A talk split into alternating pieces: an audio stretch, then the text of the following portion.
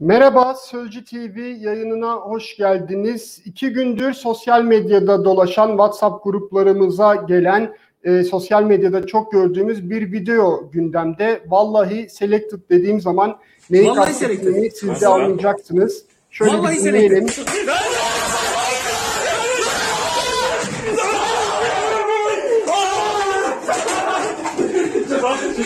Nasıl lan?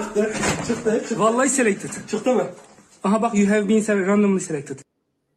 Bu insanın iç, insanı güldüren, tebessüm yaratan şey aslında İbrahim ve arkadaşlarının sevinci. Çünkü İbrahim Green Card başvurusu yapmıştı ve seçildiğini anladı. Yani selected dediği seçilmiş Green Card hakkı kazanmış. Vallahi selected diyerek bir sevinci ortaya koyuyor. İbrahim'in ve arkadaşlarının e, Türkiye'den gidecek olması, Amerika'da kendisine bir yaşam başlatacak olması mutluluğu beraberinde bir tartışmayı da getirdi. E, İbrahim'e gidecek olduğu için, Türkiye'den giderken bu kadar mutlu olduğu için yüklenenler de çok oldu. Eleştirenler, sert eleştiri yapanlar da çok oldu. Ama buradaki niyetim benim, bu programdaki niyetim eminim konuklarım da birazdan yayına geldikleri zaman katılacaktır. İbrahim'in sevincini eleştirmek değil, İbrahim'i mutlu eden şeyi anlamak. Daha doğrusu İbrahim'i ve İbrahim gibileri bu ülkedeki ülkenin gençlerinin mutsuzluğunu anlamak ki istatistiklere baktığımız zaman da ülkede yaşayan gençlerin maalesef pek de mutlu olmadığını görüyoruz. İstanbul Büyükşehir Belediyesi'ne bağlı İstanbul İstatistik Ofisi'nin bir araştırması var. 9-19 Mart tarihinde 18-24 yaşları arasında yaptığı araştırma bize şunları gösteriyor. Araştırmaya katılanların %86'sı tanıdık yoksa bir iş bulmak zor diyor. %52'si 20 yıl öncesine göre artık iş bulmak çok daha zor diyor. %79'u ise fırsat eşitliği iş dünyasında yok diyor. %75,5'i yurt dışında çalışmak istediğini söylemiş. Çok büyük bir rakam. 4 gençten 3'ü yurt dışında çalışmak istiyor. %25'i ne iş olsa yaparım abi diye nitelendirebileceğimiz her sektörde çalışırım derken çalışmaya razı oldukları rakam 3 bin lira civarı yani asgari ücret seviyesinde bir rakama çalışmak istediklerini söylüyorlar ki geçimin imkansız olduğu bir rakam olduğunu belirtelim. Ben bir gazeteci olarak ekrana TÜİK istatistiklerini getirdiğim zaman beraberinde şunu da söylemem gerekiyor. İster inanın ister inanmayın ama TÜİK'in verilerine göre de %25 genç işsizlik var Türkiye'de. Doğru mudur bilinmez. İki tane konuğum olacak. Erdem Özeren, kariyer danışmanı, Türkiye iş dünyası gençleri neden tutamıyoru onunla konuşacağız. Ve doçent doktor Oğuz Demir, ekonomist, Türk ekonomisi ne vaat edemiyor, ne sunamıyor da e, gençler gitmek istiyor. Bunları beraber konuşacağız. E, Oğuz hocamdan izin isteyeyim, Erdem Özeren'le başlayayım. E, istatistikler sizce de doğru mu? Gençler Türkiye'deki işlerden mi mutsuz? İş bulamayacaklar mı? Onun için mi gitmek istiyorlar? Siz ne diyeceksiniz? Valla istatistikler çok net bence de doğru. Ee, benzer bir araştırma yapmasak bile e, Türkiye'nin her yerinden gençlerle iletişim kurduğumuzda herkesin hayalleri benzer. Herkes bir şekilde yurt dışına kapak atmak istiyor. Ee, ama bununla hedefledikleri şeylere baktığımızda yurt dışına gitmeyle ilgili e, am- amacının asıl e, altında yatan sebebe bak- baktığımızda e, Türkiye'de onlara vaat edemediğimiz şeyler yurt dışında var. Yani yurt dışı dediğimiz şey ne? Bu çocuklar Çin'e mi gitmek istiyor?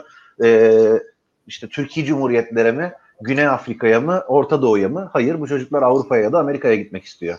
Dolayısıyla biz orada ne var da bizde yok sorusunu sormalı ve bununla ilgili daha erken önlemler almalıyız. Türkiye'de en büyük sıkıntı bu sorunun cevabını üniversiteyi bitirdikten sonra herkesin vermeye çalışıyor olması.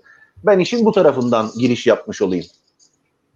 Ee, peki şunu da size sorayım sonra hocama da döneceğim ama yani e, arttı mı bu? Yani e, hep mi böyleydi gençler? Hep mi git e, zaten hani hep benim kendim bildiğim bileli evet Avrupa'da ve Amerika Birleşik Devletleri'nde şartlar koşullar daha iyiydi. Yani eğer oturup doğru konuşalım. Ama hani e, sanki bir daha da bir fazlalaştı değil mi son yıllarda? Yüzdesel olarak yüzdesel arttı? olarak yüzdesel olarak çok net arttı. Hatta bunu lisede İngilizce e, ağırlıklı eğitim veren liselerin mezunlarının artık Türkiye'deki üniversitelere değil de yurt dışına gidişlerinin istatistiğinden de çok net görebiliyoruz.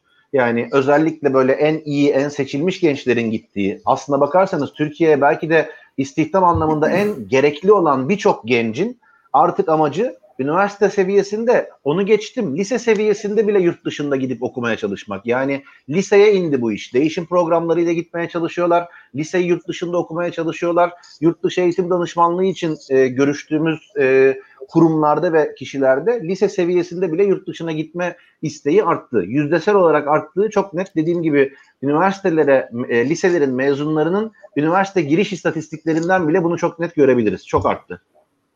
E, doçent Doktor Oğuz Demir size de merhaba diyerek başlayayım. Hocam niye gidiyor gençler? Yani ekonomimiz, e, Türk ekonomisi ne veremiyor ki onlara? Yani aslında sadece Türkiye ekonomisiyle ilgili olduğu kanaatinde değilim. Yani toptan bir e, sorunla karşı karşıyayız. Ekonomi bunun boyutlarından biri. Yani siz az önce TÜİK'in rakamlarını söylediniz. Yüzde 25 e, işsizlik var, genç işsizliği ama dönüp baktığınızda Türkiye'de 10 milyona yakın işsizimiz var bizim. Yani 84 milyon nüfusun toplam nüfusun 10 milyonu işsiz. 60 milyon kurumsal nüfusun 10 milyonu işsiz. E, e, iş gücü piyasasına bu iş aramaktan vazgeçenleri de kattığınızda yaklaşık işte 45 milyon insanın 10 milyonu işsiz. Yani e, sadece kendi işsizliği değil etrafındaki insanların işsizliğiyle de e, muhatap. Yani bakıyor gire, işe girememiş. İşte arkadaş, iş, e, üniversitedeki arkadaşına bakıyor işi yok. Ama bu sadece bir boyutu. Yani bugün İspanya'da da genç işsizliği yüzde otuzda. Ama İspanyol gençleri neden İspanya'yı terk ediyor diye bir soruyu pek okuduğumuzu sanmıyorum. Yani gidenler ki e, serbest dolaşım hakları da var. Yani Avrupa'nın herhangi bir yerine rahatlıkla gidip yerleşebilecek e, koca bir nüfustan bahsediyoruz. Yüzde otuzlarda bir genç işsizliği var ama öyle bir kaçma hali yok. Çünkü mutsuzluğun tek sebebi işsizlik de değil. Yani işsizlik belirleyici bir kriter. Ama işsizlikten çok öte mutsuzluk kaynakları var gençlerin dönüp baktığınızda. E, bütün bunları çözebilecek e, bir umut yok. Yani belki e, iş, iş, iş bulma umudu da dahil olmak üzere ülkenin onlara istedikleri hayatı yaşayabilecekleri umudu sunmasını bekliyorlar. O da yok. E, gündelik tartışmalarımıza baktığınızda da zaten görüyorsunuz. Yani e, herhangi bir şekilde e, düşünsenize bugünden yarını konuşan bir ülkede e, 20 yaşında bir gencin bundan 10 sene sonrasını hayal edebilmesi falan çok mümkün değil. E öyle olunca işte green card mesela siz e, az önceki videoda bahsettiniz. Ben bir tane istatistik söyleyeyim. Hani şanındadır, şanındandır iktisatçılığın. Mutlaka bir veri veririz. E, 70 77 bin e, imiş 2008 senesinde e, başvuran kişi sayısı e, Green Card'a yani bu Amerika'nın e, işte yerleşim piyangosuna öyle diyeyim çalışma ve oturma izni piyangosuna başvuran 77 bin kişiymiş. Bugün e, 2020 yılı rakamı 220 bin 2021 yılı ilk 4 ayında 120 bine ulaşmış rakam ki düşünün daha bir de senelerin geri kalan kısmı var. Yani dolayısıyla vata, insanlar, gençler diyor ki bakıyorlar etrafa iş var mı yok. E, hadi iş yok e, en azından eşimle dostumla rahat vakit geçirebiliyor muyum? Yok. E, sağlığımı e, garanti altına alabiliyor muyum? Yok. E, eğitim, e, hadi işe giremedim bir eğitim, e, daha ileri bir eğitim alabiliyor muyum? Dünya çapında geçerli olan o da yok. E ben burada ne yapayım diyor. Gideyim orada garsonluk yapayım. Benzin istasyonlarında pompacılık yapayım. Ama en azından buradaki orada kazandığım bin doları e, işte layıkıyla yaşayabileceğim bir hayata harcayabilirim. İnanın bin dolarla çok rahat yaşayabiliyor Amerika'da birçok bölgede bazı insanlar. Bugün Türkiye'de bin lirayla ne yapabilirsiniz ki? Hiçbir şey. Yani hatta zaten demin ki İstanbul İstatistik Ofisi'nin araştırmalarında da 3 bin liraya razı olduğunu görüyoruz ki 3 bin lira da e, Türkiye için e, yoksulluğun altında değil mi? Yanılıyor muyum? Tabii dok- yani kişi başı 4 kişilik bir ailenin bugün yoksulluk sınırı 9 bin lira, 9 bin 68 liraydı yanılmıyorsam en son rakam. E, baktığınız zaman e, kişi başına işte 1800, e, 2000 lira civarı, 2200 lira civarı bir şey düşer. Yani e, 3000 lirada bunun 800 lira üstü. Yani fakirliğin ki birlikte yaşadıkları durumda. Tek kişilik ailede yoksulluk daha e, yüksek bir maliyete denk geliyor. Tek kişilik e, yaşayan insanlarda. Yani burada yoksulluğa mahkum olmaya bile razı olmuş. Şimdi siz e, bir taraftan bu gençlere kızmışlar öyle söylediniz. Ya düşünsenize yoksulluğa 3033 liraya tamah edebilen bir e, genç kitle yani bir e, gençlik var. Yani 3000 liraya tamah ediyor. Demek ki bu gençler o 3000 lirayı bile bulamayacaklarına inanmışlar ki bu ülkeye gidiyorlar. Hiç kimse durup dururken ülkesini terk etmez. Alişer Bey ben 3 kere yurt dışına gittim. Yani Amerika'da, İtalya'da, Rusya'da yaşadım ve bunların ikisinde çalışıyordum. Birinde öğrenciydim. Her seferinin, her sözleşme dönemimin sonunda bana dediler ki burada kal. Bir sene daha, iki sene daha uzatalım sözleşmeyi. Koşa koşa ülkeme döndüm. Yani, yani neden dönüyorsunuz? E, Troll, yani işte çok- trollerden kurtuldunuz bu söyleminizle. Troller bize ya, ha, hayır ondan değil ya vat- acayip süper vatanıma aşığım falan filan. Evet tamam ülke yaşadığım ülkeyi seviyorum ama her şeyden öte bunun rasyonel gerekçeleri vardır. Şimdi bu arkadaşlar Amerika'ya gidecekler. Yarın bir gün top oynarken ayaklarını incitecekler. Hastaneye bile gidemeyecekler. Bunu biliyorlar. Ama buna rağmen gidiyorlar. Böyle düşünün. Ya da yarın bir gün orada bir sistemle ilgili bir sorun olduğunu onu nasıl çözeceklerini bilmiyorlar. Çünkü alıştıkları sistem bu. Ama ona rağmen gitmeye karar ver. Çünkü ülke değiştirmek kolay bir karar değildir. Az önce de söyledim. Üç kere denedim ben bunu ve en sonunda gerisin geri ülkeme döndüm. Çünkü ben buranın sistemini biliyorum. Burada nasıl e, para kazanabileceğimi biliyorum. Burada nasıl iletişim kurabileceğimi, nasıl eğlenebileceğimi biliyorum. Ha burada e, okuduğumuz için bizim dönemimizde bir miktar daha şartları iyiydi işte. Erdem'in de öyle muhtemelen. Yani biz iyi kötü hayatımıza devam edebildiğimiz için her şeye rağmen ülkemizde yaşamayı tercih ederiz. Ama bizden sonraki jenerasyonlara özellikle yani bugün 20'li yaşlarında olan jenerasyona sorduğun zaman yani hiç kimsenin e, bir e, herkes ya da şöyle söyleyeyim bu jenerasyonun B planı Türkiye'de kalmak haline döndü. Bu kötü bir şeydir. Peki e, herhalde şunda hem fikirizdir. Yani yurt dışındaki imkanlar, yurt dışından kastımız Erdem Bey'in de dikkat çektiği gibi batıdan bahsediyoruz. İmkanlar çok daha iyiye gitmedi. E, büyük krizler yaşadığı Avrupa özellikle Amerika Birleşik Devletleri'nde yaşadığı oluyor. Biz galiba daha kötüye gittik. E, eğer buna katılmıyorsanız söz vereceğim. Katılıyorsanız direkt Erdem Bey'e geçeceğim. İş dünyası e, ne yapıyor? Yani bu bir beyin göçünden bahsediyoruz. Hani çok e, bu içi, içi boşaldı belki bu ifadenin ama tam da bu. Yani liseye kadar indiğini söyledi Erdem Bey bunun. E, ya bir resmen headhunting'den öteye gitmiş artık bu iş. E, iş dünyası Türkiye'de e, bir, bir şey yapıyor mu? Bu e, alarm alarm zillerine karşı bir şey yapacak mı ya da? Yani e, yapabilir şimdi mi? İş dünyası özellikle dönüyor. E, bu bizim ülkemizin üniversitelerinden mezun olan gençleri yeterince eğitilmediği, işte aradıkları niteliğe uygun insanları bulamamalarıyla suçluyorlar. E, yani bu, bu kolay kolaylarına geliyor. İşte birçok haberde 3 üniversiteden mezun olanların dışında hiç kimseyi işe almam e, almıyoruz e, şeklinde işte özellikle büyük holdinglerde vesaire haberler çıkıyor. Yani kendi ülkesinin e, gencine iş dünyası da güvenmiyor. E böyle olunca o genç de ona güvenmiyor zaten. Kaçıyor gidiyor. Tamam eğitimimizin sorunları olabilir ama yani sanki patronlarımız öyle süpersonik e, hepsi e, dünyanın en iyi üniversitelerinden falan diploma almış tipler değil. Yani bugün ortalama bir küçük orta boy işletmeye gittiğinizde oranın sahibinin nitelikleri hakkında sanıyorum yani ortalaması üzerinden söylüyorum. Yani o- kadar eğitimi bile olmayan birçok insan vardır o üniversite mezunu genç kadar. Elbette eğitim sistemimizin sorunları var ama yani bunu aşmak için e, topyekün e, sadece iş dünyası ya da sadece gençlerin üzerine değil bunların ötesinde devletin üzerine düşen birçok rol var. Ama devletin biliyorsunuz başka kaygıları ve başka dertleri var. Yani e, devlet çünkü bir e, siyasi parti devleti haline her geçen gün dönüşüyor. Dolayısıyla devletin kaygılarından öte o siyasi partinin kaygıları öne çıkmaya başlıyor. E, gençlerin ne olduğu vesaire oy verdikleri sürece e, çok da önemli olduğunu sanmıyorum o devlet için. Çünkü o devlet artık hani bütün e, toplumsal grupların, sınıfların devleti olmaktan öte belirli e, spesifik e, amaçları güden, e, o amacın da en temelinde siyasi güdüler bulunan bir siyasi partinin aygıtına dönüşmüş durumda. Böyle olunca da ne iş dünyasının ne de devletin e, orada zor durumda olan, kendi geleceğinin kaygısında olan gençlerin peşinde olmasın. Ben 2008 krizinde İtalya'da öğrenciydim Alişer Bey. Yani biliyorum e, insanların kriz dönemlerinde özellikle üniversite öğrencilerinin ne yaşadığını orada gördüm, gözlemledim. Yani hepsinin gelecek en azından gelecekle ilgili şöyle bir durumları vardı. Ya Avrupa Birliği var, e, İtalyan hükümeti var. Biz bir şekilde yolumuzu buluruz diyorlardı. Şimdi bugün Türkiye'de gençlere güven vardı yani. Güven hissi, evet. sistemine. Pandemide de öyleydi. Yani ne olacak Evet. sizin bu haliniz diyorduk İtalyan arkadaşlara. Avrupa Birliği var, hükümet var bir şekilde çözecekler diyorlardı. Ben Erdem'i de çok zaman çaldım. Çok Sizinle zaten bu muhabbetin varacağı yer köy enstitülerin kapanmasına sorununa kadar gidecek. E, mevcut şey oraya gidecek. Erdem Bey size de sorayım. İş dünyasının böyle bir derdi var mı? Gençler gidiyor, elimizden kaçıyor ya da olmalı mı hani? Var e, ama e, ürettikleri çözümler biraz daha farklı. Son 5 ila 10 yıl içerisinde işveren markası iletişimine ayırdıkları bütçeyi arttırdılar e, şirketler. E, işveren markası yani marka olarak bizi tercih edin, işveren olarak bizi tercih edin diye daha fazla iletişim çalışması yapıyor, yapıyor artık şirketler. E, ama burada da iyi yetişmiş genç başkasına gitmesin bana gelsin e, düşüncesiyle bu yatırımı yapıyor.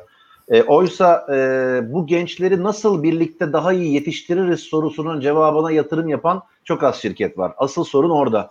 E, Oğuz'un da az önce söylediği gibi yani şikayet etmekten öteye e, gidemiyoruzun durumu.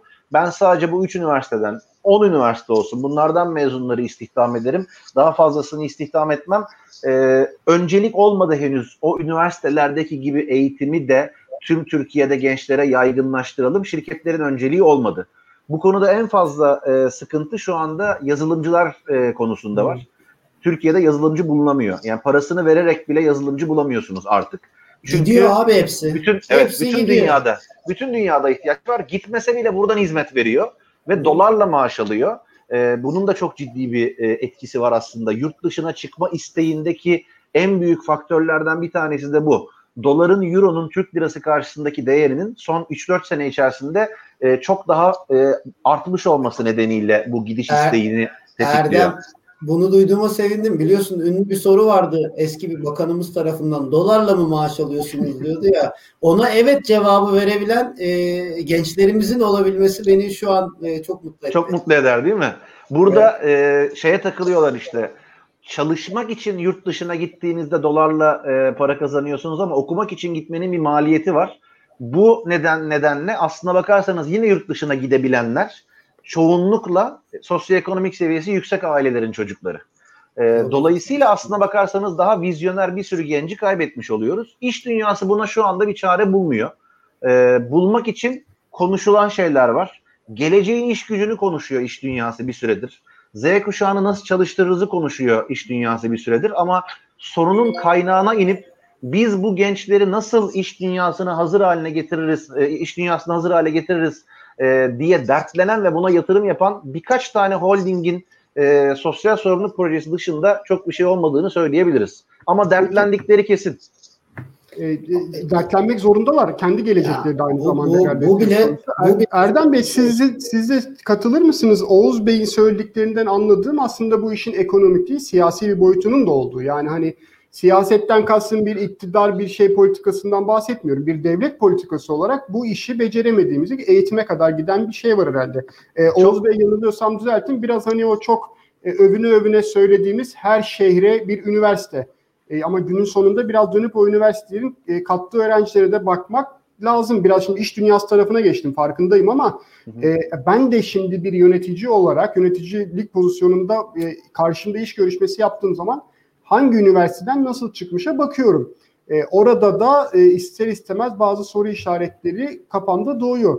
B- b- yanılıyor muyum? Bu da bir sorun mu Erdem Bey? Bu da bir sorun. Ee, çok doğal bir sorun. Bizim Türkiye'de 200 küsür üniversitemiz varmış gibi gözüküyor. Türkiye'de ger- gerçek üniversite sayısı 25-30'dur. Daha fazla değildir. Çünkü e, son yıllarda açtığımız üniversitelerde akademisyenler de akademisyen değil. E, iş dünyası da o üniversitelerle çok entegre çalışmadığı için. Yani şimdi burada akademisyen linci yemeyi e, göze alarak bunu söylüyorum. Kim ha, insanların Başta nasıl benden. Yok senden almam da yani e, dok- doktor ünvanını, doçent ünvanını insanların nasıl aldığına baktığınız zaman o akademisyenlerin e, yetiştirdiği gençler konusunda soru işaretleri büyük oluyor. Artı üniversiteye yüklenen anlam çok değiştiği için de e, bir katmada yer alamıyoruz aslına bakarsanız. Üniversite insanın başka insanlarla bir arada vakit geçirdiği, vizyonunu genişlettiği yerdir. E siz çocuğa gel bu e, okuduğun, e, büyüdüğün şehirde okumaya devam et derseniz e, genelde de o şehirleri, o şehirlerin li- liselerinden mezun gençlerle doldurursanız üniversitenin bir başka katma değerini de öldürmüş oluyorsunuz. Yani başka bir şehirde Türkiye'nin her yerinden gelmiş gençlerle birlikte okunan İstanbul Üniversitesi vizyonuyla bugün Türkiye'nin bir ilinde yüzde doksanı oradaki liselerden mezun insanlarla okumanın katma değeri arasında fark var. Dolayısıyla evet artık üniversiteler e, nitelikli mezun yetiştirmiyor. Öteledik biz istihdama girişlerini. Üniversite mezunu olunca da işe gireceğini zannederek üniversiteye akın etti gençler. Artık onların görünmeye başladığı bir dönemdeyiz. Üniversite mezuniyeti bir işe yaramıyor. E, ve çok da bir şey katmıyor üniversite e, öğrencilere ne yazık ki. E, bu akredite edilmiş diplomalar haricinde bir şey katmıyor diyeyim. Hukuk gibi, e, tıp gibi, diş hekimliği gibi onu alınca yeterli olacak diye düşünerek oralara yoğunluk oldu. E, şimdi o da patlamak üzere. Artık Bir, e, toplam mezun sayısı o kadar doygunluğa ulaştı ki Biz birkaç yıl içinde bunu e, altın çizerek söylüyorum. Atanamayan öğretmenler gibi atanamayan doktorları konuşmaya başlayacağız çok yakında. E, yılda 18 bin yeni tıp fakültesine öğrenci giriyor. Bu seneki tıp fakültesi muhtemel kontenjanı 18 bin. 2016 yılıydı yanlış hatırlamıyorsam. Doktor Mehmet Müezzinoğlu Sağlık Bakanı iken demişti ki 12 bin tıp fakültesi kontenjanımız var. 2023'e kadar 10 bine düşürmezsek Türkiye'de 2023'te doktor fazlası olacak demişti. Geçen yıl 17 binin üzerinde yeni öğrenci girdi tıp fakültelerine. Ne bu kadar öğrenciyi yetiştirecek gerçek akademisyenimiz var. Ne bu kadar öğrenciye istihdam sağlayacak iş dünyası var. O yüzden üniversitelerden çok fazla şey beklememek gerekiyor. Bir tek ben burada kriter olarak söylemiş olayım gençlere. %100 İngilizce eğitim veren bir üniversite varsa oradaki akademisyenler %90 gerçek akademisyendir. Çünkü İngilizce eğitim verebilmek için doktoranızı, doçentliğinizi İngilizce verebilecek kapasitede olmanız gerekir. Orada da gerçek akademik dünya ile karşılaşırız deyip e, Onur'u şey e, Ozan, ah Oğuz'u hiç konuşturmadım özür dilerim abi. Araya bile Evet. sokturmadım affet beni deyip bitiriyor. Ama yanılıyorsam Oğuz Bey'e bir güzellemeyle geçtiniz. E, bu, e, Erdem Bey'in kriterini herhalde şey, siz yüz güldüğünüze göre Erdem Bey'in kriterini şey yaptık. Şimdi, şimdi Adam üç Alişer kere Bey- yurt dışında bir sene geçirmiş ya. Biraz İngilizce biliyor diye biliyorum ben Oğuz'u. e, bilmeye de bilirsin yani o da var. Bu ülkede hepsi normal. Yani Doğru. o bahset tabii İngilizce eğitim verebilmenin kriteri bir hali e, şey ülkede de düşük. Yani o e, işte birkaç tane devlet sınavından 80 puan aldın mı sen İngilizce ders verebiliyorsun gibi gözüküyor. Ya ben şuna biraz e, itiraz edeyim mi? E, yani üniversite akademisyen yani o ekosisteme gelmeden önce öğrenci tükeniyor zaten. Yani şimdi hak evet üniversitelerimizin çok eleştirilecek tarafı var ve yüzde yüz doğrudur. Ee, akademisyenler olarak bizim de eleştirilecek taraflarımız var. Bir sürü öz eleştiri yapmak yapmak da gerekiyor zaten. Ama gerçekten gelene kadar öğrenci tükenmiş oluyor. Yani bizim Evet. önümüze gelen öğrenci de zaten bitmiş geliyor. Yani herhangi bir şey ya çok basit bir örnektir bu. Matematik yani bugün işte TÜİK'i konuşuyoruz, başka kurumları konuşuyoruz. Ben sabahtan beri TÜİK'in 494'ten 12 bini neden çıkartıp 480 bin bulduğunu anlatmaya çalışıyorum. Yani ya da anlamadığımı anlatmaya çalışıyorum. Hani, e, yani bu matematiği gerçekten hani y eşittir fx diyorsun. E, ben sayısalcı değilim hocam diyor. Yani aslında hayatın e, bütün kurgusunu anlatıyorsun. Neden sonuç ilişkisi. Bu böyle değişirse bunu da değiştirir diyorsun. Ben sayısalcı diyor değilim diyor öğrenci. Temel matematiği, temel Türkçeyi, temel bilimleri öğrenmeden geliyor. Yani ben suç hani tamamen lise eğitimi o, o ilk ve orta öğretimdedir demiyorum.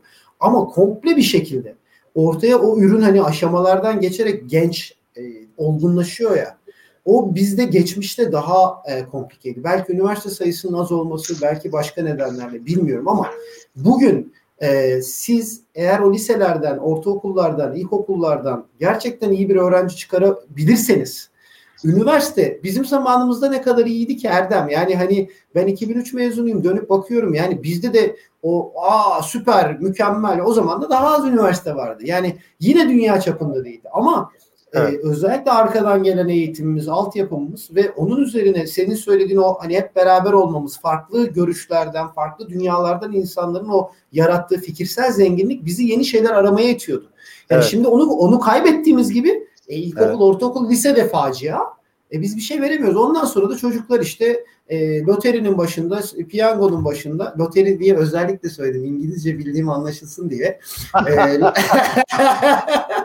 lo- loterinin başında, e, işte piyangonun başında abi green card bana çıktı. Selected yazıyor ya. Ben de geçmişte bir iki sefer başvurmuştum. Acaba gerçekten yani şanslı biri miyim? Gidebilirim bu arada. Yani gidebilme imkanım varken.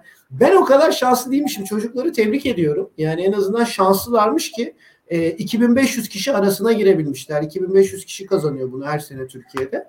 E, ama sorun şu ki biz e, bunu bir e, şans olarak addedebilecek bir ekonomik ve sosyal Evet. düzen yarattık. Bir an evvel e, yani bu sorunları konuşuyoruz. Çözümleri mutlaka tartışmamız gerekir. E, ondan sonra laf söylüyorlar bize sanki biz siyasetçiymişiz gibi. Çözüm üret falan diye.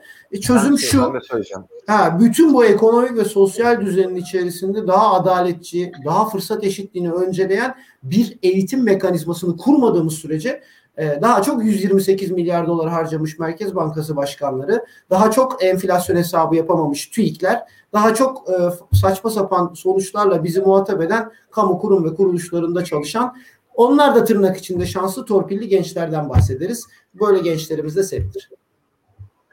Erdem Bey çöz, ben çözümü soracaktım zaten. Ee, Oğuz Bey iyi bir yerden de söyledi. Sizin siz bugün versek e, sistemi elinize görüyoruz ki eğitim sistemimiz yok dedik.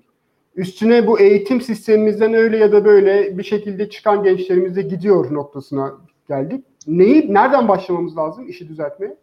Ee, ben de eğitim sisteminin daha erken yaşlarına yönelik yatırımlar yapmak gerektiğini ve ailelerin e, eğitimden ve gençlerden beklentilerini revize etmek gerektiğini e, düşünüyorum. Yani e, şimdi aynı araştırmada e, incelediğimizde gençler çoğunlukla kamuda, sağlık sektöründe, özel sektörde masa başı ve bilişim istiyorlar. Yani garanti iş istiyorlar. Bir kere bundan kurtulmamız lazım. Bu Türkiye'de değil dünyada artık rekabetin artması nedeniyle iş garantisi de, denen e, kavramdan bir kurtulması lazım. E, gençlerin de gençleri yönlendiren ailelerin de. İkincisi e, liseyi zorunlu tutmakla bence e, Oğuz'un dediği o lisede eğitim, düzgün eğitim alamamış gençlerin üniversiteli olmasındaki ilk e, büyük kırılmayı orada yaşadık ve bütün liseleri Anadolu Lisesi diyerek Türkiye'de yüzde otuz civarında meslek lisesinden mezun veriyoruz. Biz o çocuklar bile üniversiteye gitmeye çalışıyor. Halbuki o çocuklar üniversiteli olmasalar onlar için çok ciddi istihdam kaynakları var. Tam bu noktada işte aile beklentisi diyorum. Bir meslek liseli Türkiye'de gayet bir KOBİ'de ya da aslında girişimci olup kendi işinde başarılı olabilir, para kazanabilir. Bulunduğu şehirde e, iyi standartlarda yaşayabilecek parayı kazanabilir. Yüzde otuz meslek lisesi mezunundan bahsediyorum. Kalan yüzde yetmişin en fazla yüzde onu on beşi iyi bir lise eğitimi alıyor ve onlar da iyi üniversite eğitimi alıyor. O arada kalan e, yüzde elli elli beşlik bir kesim var ya adı Anadolu kendi düz liseden mezun. İngilizce öğrenmiyor. Meslek bilmiyor. Sınav başarısı yüksek değil. Hayattan çok ciddi beklentisi var. O çocukları biz laf olsun bir de, diye bir de üniversitede okutuyoruz. Bu kesim kayıp kesim. Bu kesime özel bir eğitim politikası geliştirmemiz gerekiyor bizim. Ee, yani level atlamanın artık eğitimle mümkün olmadığı bir ülkedeyiz ne yazık ki. Eskiden Bey, e, o da level Türkiye'nin dedi, o herhangi da bir köyünde, kasabasında Ama- yaşayan ama- bir genç O her bilgisayar oyununda var hocam onu saymıyorum. Ha, saymıyorum. O da level dedi. Cevap veriyor bana diye. e, seviye atlamanın aslına bakarsanız kast sisteminde bir üst seviyeye atlamanın artık bir formül olmadığını görüyoruz. Türkiye'nin en büyük holdinglerinden birinin grup İK müdürü bir arkadaşımla geçen bir, bir, yıl, bir yıl önce falan konuşuyorduk. E, ve demişti ki biz artık ailesi çok zengin olmayan verdiğimiz e, şartların daha iyisi için çaba sarf edecek olan yani bir ay önce ailesinden benim maaşım kadar para almayan iyi yetişmiş genç arıyoruz dedi. Çünkü artık iyi eğitimi ekonomik seviyesi yüksek gençler alabiliyor ne yazık ki. Ve e, şirketlerin aradığı profilde bu değil. Annesi babası e, orta halli ama hayatta başarılı olmuş genç profili yok ettik biz. E, ve o, o, o, o gençlerin umudunu yok ettik açıkçası. E, Avrupa ile Ben şurayı çok kısa- anlamadım. Çok pardon. Lafınızı keseceğim. tabii. Şunu anlamadım. Ee, ailesinden verdiğimiz maaş kadar para alamayan gençleri mi arıyoruz diyor. Evet. Yani çok yani genç vakıf üniversitesinden mezun olmuş. Ailesine Muhtaç 3 bin lira, muhtaç. 4 bin lira. Evet. Biraz, biraz öyle bir Aynen 3-4 bin lira maaş alıyor. Üstü açık arabayla gidiyor işe. Zaten kendine ait arabası var. O çocuğun Rahat- ertesi ay rahat alacağı sömüremiyor. maaşa ihtiyacı yok. İşte onu, Rahat ona geleceğim şimdi. Aynen öyle. Öyle bir durumu var işin bir yandan da. Ama e, gençler paradan bağımsız olarak da artık kendini nasıl olsa sömürme, sömürülmeye izin vermiyorlar. Yani Z kuşağı artık hiçbir şirketin onları sömürmesine izin vermeyeceği için en azından bu konuda e, biraz daha kanaatkar olabilen, e, kendi kendine başarmayı hedefleyebilen gençleri arıyoruz diyorlar. Çünkü bir önceki ay ayda 4 bin lira para veriyordu babası ona. Kredi kartının 50 bin lira limiti var o çocuğun. Ve o çocuk iyi eğitim aldığı için o en büyük şirketlere girebilir seviyede bir eğitim seviyesine sahip. Buradaki bu kırılmadan bahsediyorum. Ama sanki orada biraz işin içerisine e, ahlak da giriyor. Yani iş ahlakı. Bu işi yapıyorsan çalış ki o, o, o çok uzun uzadıya gidecek bir e, konu olacaktır. Öyle. E, son söz sizdeydi diye Oğuz Bey'e soracağım. Hocam ekleyecek Tamam. bir şeyiniz var mı? Ya ben sadece şunu söylemek isterim. Yani bu bu mekanizma e, sosyal adaleti sağlayan, fırsat eşitliğini sağlayan bir mekanizma değil. Bilakis bozan, daha da zorlayan, daha da derinleştiren bir mekanizma. Yani Türkiye'nin e, o hani eski Türkiye olarak eleştirilen Türkiye'nin çok iyi yaptığı şeyler vardır. Yani yenisini yapmak eskisinin her şeyini yok etmek demek değil. Eskisinin iyilerini alıp eskisinin yanlışlarıyla iyiye dönüştürmekti. Ama bizde öyle olmadı. Yani öyle yapmıyorlar. E, siyasetçiler maalesef beceriksiz. Yani açık söylemek gerekirse eğitim tarafında hele hele çok büyük bir beceriksizlikle karşı karşıyayız. 20 yıldır, belki 30 yıldır. Hani hadi tek başına da birilerini suçlamayayım ama eskisinin iyilerini alıp üzerine inşa etmek gerekirken yeniyi tamamen kötü bir sistem olarak kurguladık. E, bu, bu maalesef yani e, bir şey bir cümleyle bitireyim. Ben 2000 yılında öğrenciyken şöyle bir cümle kullanırdı benim iktisada giriş hocam. Türkiye fırsat penceresi dönemine giriyor. Fırsat penceresi dediği şey çalışma çağındaki gençlerin ya da yaş ortalamasının en düşük olduğu dönemdir ve 15 yıl 20 yıl sürer. Ondan sonra rekabetçiliğini kaybeder o üretkenliğini kaybeder. Rekabetçilik değil. Ee, şimdi biz o üretkenlik e, üretkenlik yüksekken başaramadığımız şeyleri üretkenlik düşükken başarmaya çalışacağız. Bu da bizim e, bundan sonraki e, yöneticilerin, siyasetçilerin en önemli güçlüğü ve zorluğu olacakmış gibi gözüküyor. Umarım yani biz elimizden gelen çabayı bireysel olarak yapıyoruz ama bu işler bireysel çözülmez. E, toplumsal e, eforla çözülebilecek meseleler. E, bunun da koordinasyonu devlettedir. E, hiç kimse aa ben üniversite açtım hadi siz iş bulamadınız e, kolaycılığıyla bir ülkeyi yönetemez. Beni daha üzen şey aslında bunu becerebilme e, yetenekleri, yeteneksizlikleri değil de böyle bir dertleri yok daha siyasetçilerin. Bir, bunu bir dert ederek başlamaları daha doğru olacak. Erdem Bey buyurun. Ben de bununla ilgili son söz olarak e, biz Milli Eğitim Bakanı'ndan e, ya da YÖK Başkanı'ndan e, gençleri görecek herkesi şu tarihe kadar aşılayabileceğiz sözünü duymadık ama turistlerin göreceği herkesi aşılayabileceğiz dedik. Böyle bir önceliği var ülkemizin. Eğitimle ilgili öncelik seviyemiz buyken biz bu sorunu kolay kolay çözemeyiz mevcut yaklaşımla. Bir akademisyen olarak şikayetçi olabilir miyim bir konuda? Aşı olmadınız galiba. Aşı takvimi yayınlandığında e, bu hani sağlık çalışanlarının ardından ilk aşılanacak gruplar e, şeylerdi. Öğretmenler ve ardından akademisyenlerdi. Yani e, tabii ki bütün vatandaşlarımız e, aşılansın. O hani bu böyle bir şey değil ama ya ben dün beni birisi aradı dedi ki abi Pfizer aşı olayım BioNTech mi dedi. Şey BioNTech mi yoksa e, işte Sinovac mı olayım dedi.